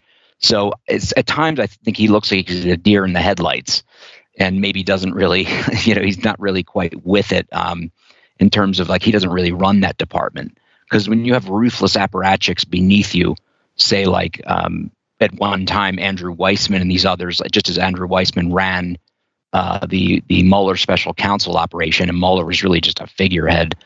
Um, you know, you have to wonder. Uh, I, I, just don't think I don't think Garland has a lot of control, in in fact, over his department, and I think he's he's sort of uh, he's lost in the mix of these totally thoroughly corrupt people.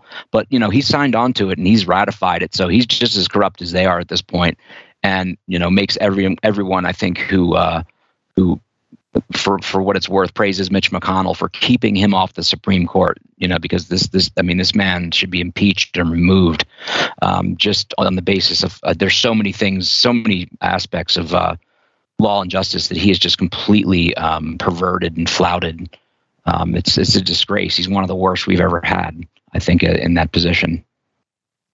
Yeah, it really is. And I know that we could continue this conversation all day long, but unfortunately, we're out of time. So we'll have to bring you back to talk about all of the latest updates in the Hunter Biden saga because I know there will be more. Tyler Nixon, attorney, media relations specialist, and political analyst, thanks so much for your time and insight today. Thank you, Rachel, and you're doing a great job. I appreciate you having me. Well, thank you. I appreciate that. And that is all for today's show. Be sure that you're following the backstory on Rumble. You can also follow me on Twitter and Telegram at Rach Blevins. Thank you so much to today's guest, to our production staff, and everyone in our control room over in DC for making this show possible.